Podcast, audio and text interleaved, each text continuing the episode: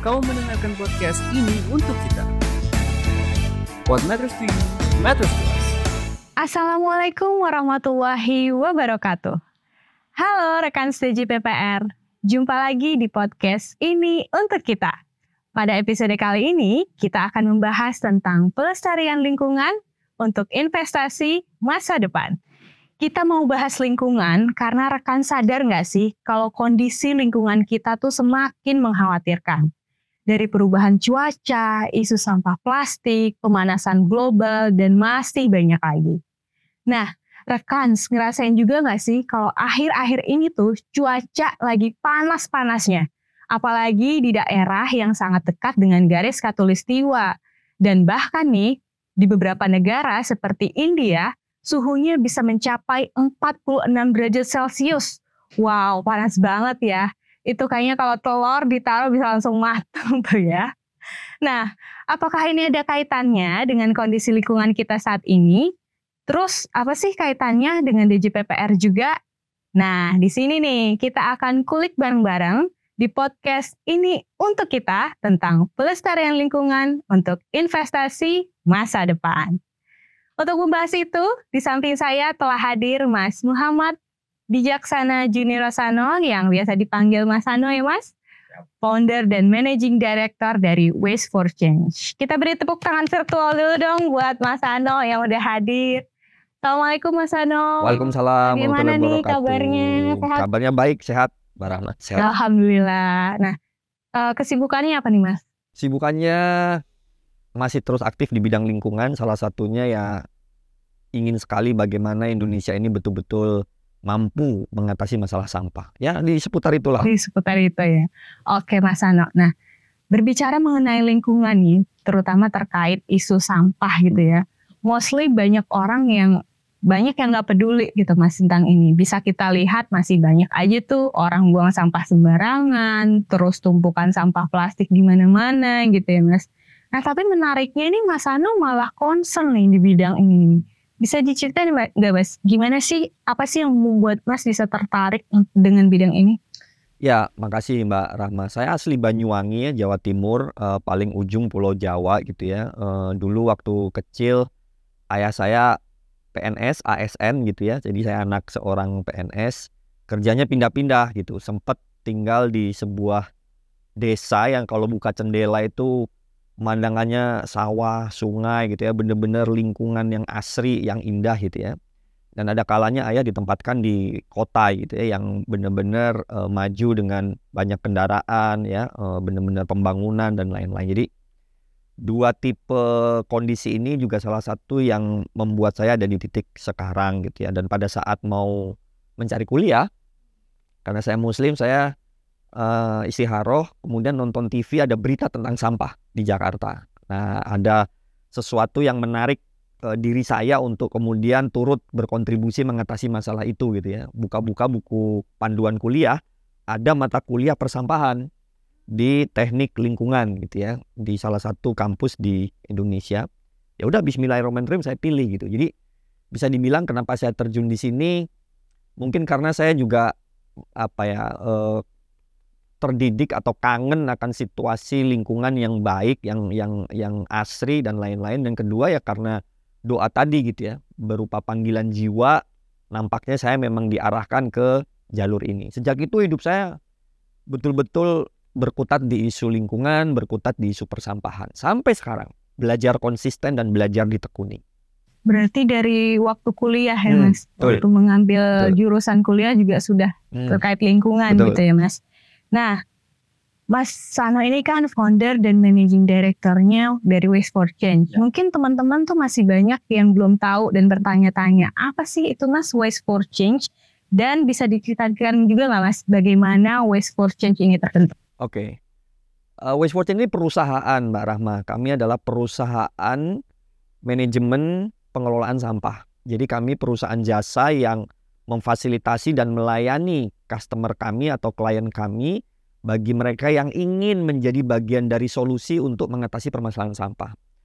Karena saat ini di Indonesia kita ini memang masih punya permasalahan terhadap masalah sampah. Kebanyakan kita tidak menyadari karena setiap hari sampah yang kita hasilkan itu sudah ada yang ngangkut ya tiap pagi ya di semua kantor sekolah eh, rumah gitu ya tetapi kita jarang tahu ujungnya ke mana kita cuma tahu yang penting setiap hari udah ada yang ngangkut aja nah untuk teman-teman semua eh, rekan-rekan ini semua yang mendengar dan menonton gitu ya ini sampah berakhirnya ke mana kalau kita nggak tahu dan kita tidak pastikan itu biasanya hanya pindah pindah ke tanah kosong kalau pengangkutnya itu tidak bertanggung jawab, pindah ke sungai dibuang sembarangan atau cuma numpuk di TPA. Masalahnya numpuk di TPA jadi masalah baru. Nah, jadi Waste for mencoba membuat sesuatu yang baru ya di Indonesia untuk membangun sistem pengolahan sampah untuk menjadi solusi, bukan memindahkan masalah. Nah, yang menarik contohnya adalah Kemenkeu ini gedung-gedungnya kami yang kelola. Jadi kami Berterima kasih juga eh, elemen dari pemerintah Kemenkeu menjadi panutan dan contoh untuk sampahnya tidak menjadi bagian dari masalah ditumpuk di TPA, tetapi ditangani oleh Waste for Change dengan baik sehingga zero waste to landfill. Nah, itu yang kami lakukan. Kami berdiri November 2014, sejarahnya dibentuk oleh Greeneration Indonesia, salah satu perusahaan yang kami bangun juga dengan Eco Bali Recycling. Bersama-sama kita bikin Waste for Change dengan misi dan cita-cita ingin membantu Indonesia mengelola sampah sebanyak-banyaknya supaya tidak jadi masalah. Nah, berbicara tentang uh, Waste for Change kan tadi Mas Ando bilang itu perusahaan. Hmm. Pasti pada awal terbentuknya butuh modal ya, kan ya Mas. Ya. Nah, ini modal awal terbentuknya itu dari mana? Dan juga uh, ini kan juga Waste for Change ini juga relasinya ke berbagai kementerian dan lembaga gitu ya Mas. Nah itu bisa sampai ke situ tuh gimana tuh? Ini bisa jadi sinetron ini, saking panjangnya. ya, jawaban pendeknya. Pendeknya, singkatnya aja. Ya, yang pasti saya saya uh, ingin memberi informasi buat teman-teman yang mendengar gitu ya, yang teman-teman muda gitu ingin memulai wirausaha. Modal terpenting menurut saya adalah diri kita sendiri ya. Uh, kita udah diberkahi kesehatan, kemampuan untuk bisa berpikir dengan baik. Jadi itu modal utama kita. Nah, berikutnya dari diri kita yang punya semangat, punya cita-cita, ingin belajar dan segala macam adalah networking yang kedua. Jadi saya sangat rajin sekali untuk kemudian silaturahmi ke senior-senior, ke saudara dan semua orang sebisa mungkin menjaga relationship gitu ya. Jadi itu penting sekali. Nah, berikutnya kalau kita udah punya gagasan dan punya karya, kalau kita bicara untuk mencari pendanaan, selama kita punya sesuatu yang memiliki potensi, gitu ya, dan di belakang sampah atau masalah sampah ini banyak potensinya sebenarnya.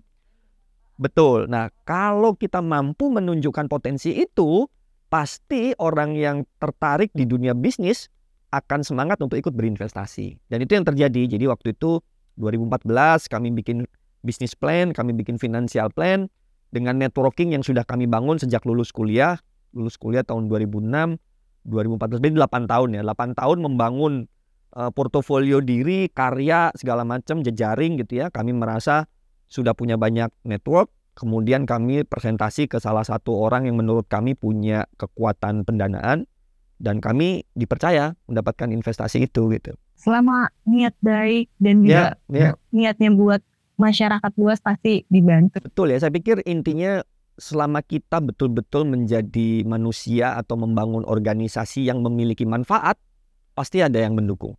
Iya, iya, iya, setuju banget.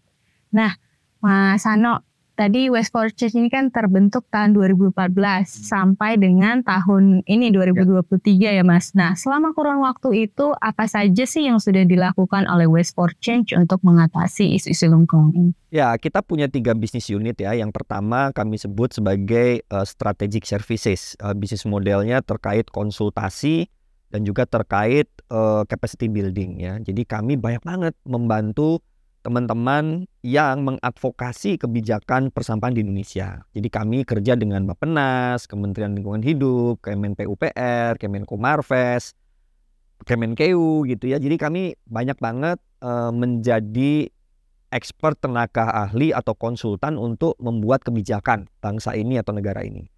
Tentu itu kan dampaknya besar dan sistemik ya, karena kan ngomongin kebijakan negara gitu. Nah, Wish for Change membantu di situ gitu untuk kemudian kita menjadi salah satu expertnya melakukan penelitian berapa banyak sih sampah masuk ke sungai berapa banyak sih sampah di provinsi ini dan lain-lain itu bisnis model yang pertama bisnis model yang kedua kami punya responsible waste management Kami mengangkut dan mengolah sampah secara bertanggung jawab. Contohnya tadi, kliennya adalah gedung Kemenkeu sendiri gitu ya.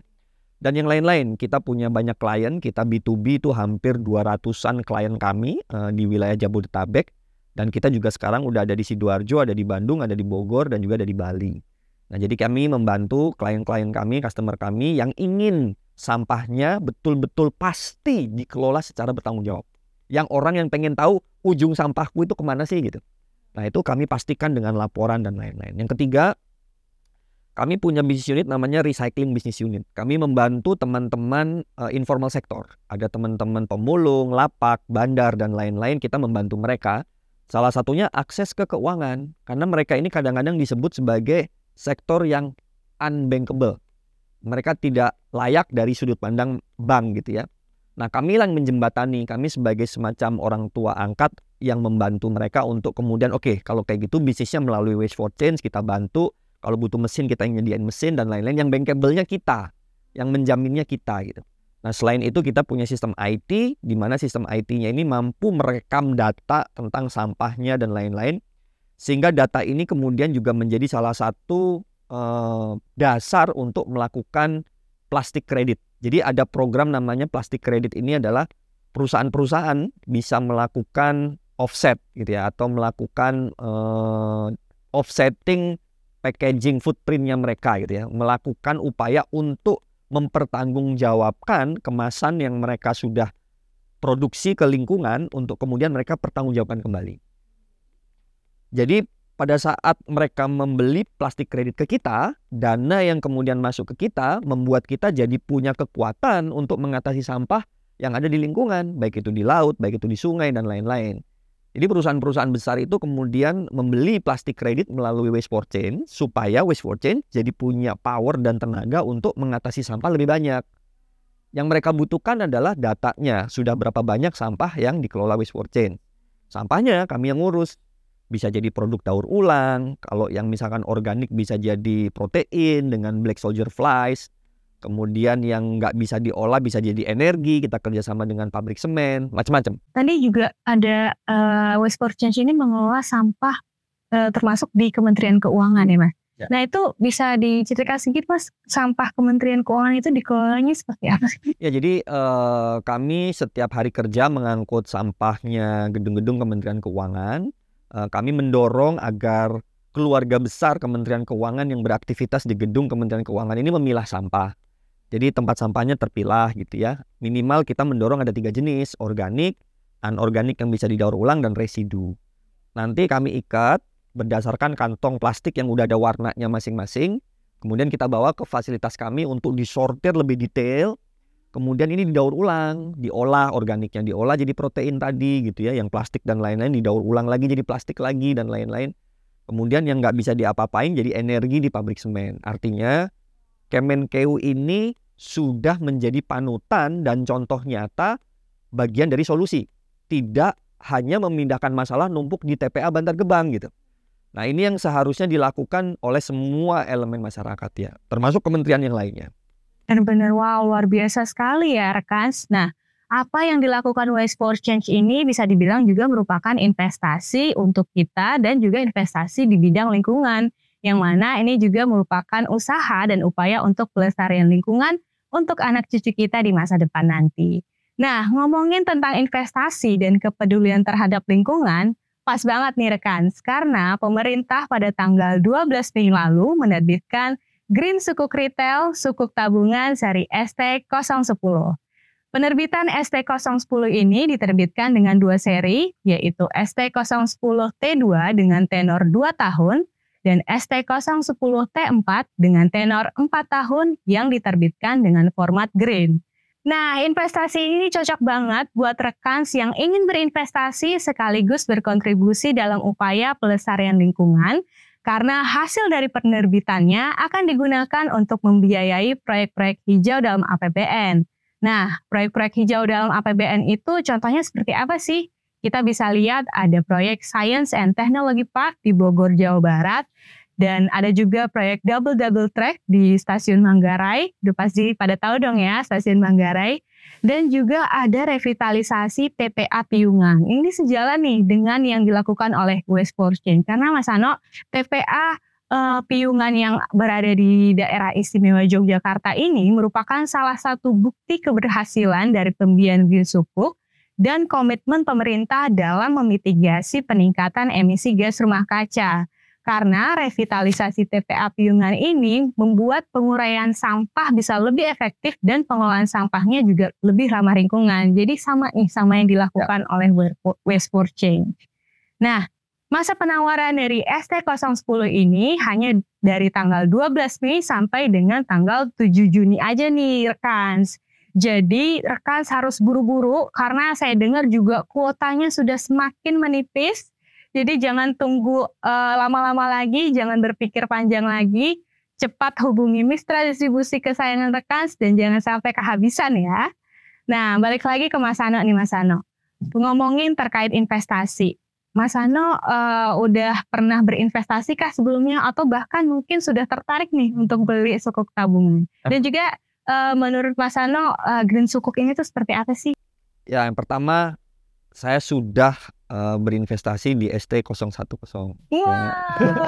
kita udah tahu. Karena gampang banget barang mah tinggal pencet-pencet jempol gitu ya, nggak usah ke mana-mana gitu buka aja internet banking kita biasanya pilih di situ segala macam sangat mudah sekali gitu ya dan apalagi manfaatnya menurut saya double combo gitu ya Selain dana kita aman, dana kita juga tumbuh, dan ternyata kita ikut membantu melestarikan lingkungan dengan proyek-proyek pemerintah yang pro ke isu lingkungan. Ya. Jadi kalau bicara investasi ya saya cukup familiar ya. Bahkan kalau kita ngetes profil investor seperti apa, saya ternyata cukup yang agresif sebenarnya uh, profil investasinya gitu ya. Jadi saya punya investasi saham di dalam negeri, saya punya investasi saham di luar negeri karena dengan kemudahan digital ini kita jadi bisa memantau pergerakan eh, saham perusahaan-perusahaan gitu ya. Saya simpelnya produk apa yang saya pakai sehari-hari, saya nggak mau jadi pemakainya, saya mau jadi ownernya. Jadi saya beli sahamnya. Sebutin apa pun, pokoknya daripada saya cuma jadi pemakainya, saya mau jadi ownernya gitu. Beli aja sahamnya gitu. Jadi saya bisa merasa ini produk saya gitu ya. Jadi itu, itu contoh simpel lah. Kenapa? Karena dengan tadi gitu, ajaibnya jempol kita ini benar-benar bisa mudah untuk berinvestasi ke mana-mana. Dan sebenarnya investasi yang paling saya suka itu sebenarnya ke real sektor ya sebenarnya. Jadi saya punya pohon, saya benar-benar nanam pohon. Karena menurut saya investasi nanam pohon tuh yang tadinya tidak ada, kemudian berubah menjadi pohon yang besar berapa meter dengan lebar berapa dan segala macam yang nilainya jadi punya nilai gitu ya. Itu saya suka. Yang kedua adalah investasi langsung ke bisnis gitu, seperti membangun waste ini. Kan saya jadi punya saham, saya punya kepemilikan dan segala macamnya gitu ya. Jadi ya sebagian dari apa yang saya hasilkan ya saya kembalikan lagi ke bentuk real nyata karena saya bisa melihat dampaknya itu membuka lapangan pekerjaan. Apalagi kalau bisnisnya pro lingkungan seperti Waste Change lagi-lagi benefitnya combo gitu banyak gitu ya. Senafas dengan apa yang dilakukan pemerintah di ST010 ini. Sejalan banget nih kita ya mas ya. Keren banget nih. Nah Mas Sano aja udah beli nih rekan ST010 rekan kapan nih yuk beruang beli ya. Nah, Mas Ano, kita uh, sampai di akhir ujung acara. Nah, ini kita uh, mungkin dari Mas Ano bisa mengajak nih rekan untuk bisa berinvestasi dan pesan-pesan untuk bisa melestarikan lingkungan tuh seperti apa? Ya, yang pertama investasi terbaik adalah investasi pada diri kita sendiri ya. Kita berinvestasi terhadap uh, kecerdasan kita, kesehatan kita, networking kita, kita kenal siapa saja itu yang sangat penting.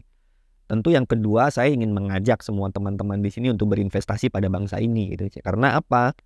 Bu Sri Mulyani sendiri menyampaikan bahwasanya untuk mengatasi permasalahan lingkungan atau climate change, Indonesia membutuhkan hampir 3.500 triliun sampai 2030 atau hampir 280-an triliun tiap tahun. Sedangkan dana APBN hanya mampu sekitar 80-90 triliun, gapnya gede banget, hampir 200-an triliun gitu. Jadi produk-produk seperti ST010 ini penting banget dan itu sebenarnya mudah sekali. Jadi teman-teman semoga teman-teman aware bahwasanya ada produk-produk yang multi manfaat, multi guna dan sekali lagi kita lebih peduli sama bangsa ini dan lebih maju lagi Indonesia. Terima kasih. Wow, luar biasa banget. Itu tadi pesan dari Mas Sano. Intinya adalah get up and do your things. Lakukan dari hal kecil dari diri kita sendiri. Karena kalau bukan kita, siapa lagi? Dan kalau bukan sekarang, kapan lagi gitu ya Mas ya. Seru banget nih obrolan kita sama Mas Sano di podcast kali ini. Dan kita sudah dapat insight banyak banget nih ya dari Mas Sano tentang bagaimana caranya kita melestarikan lingkungan untuk bekal anak cucu kita di masa depan. Terima kasih Mas Sano sudah Sama, hadir dalam Mbak Rahma. podcast ini untuk kita kali ini. Terima kasih juga kepada rekan setuju PPR yang sudah menonton podcast ini. Mohon maaf jika ada kekurangan dan sampai jumpa di podcast ini untuk kita selanjutnya.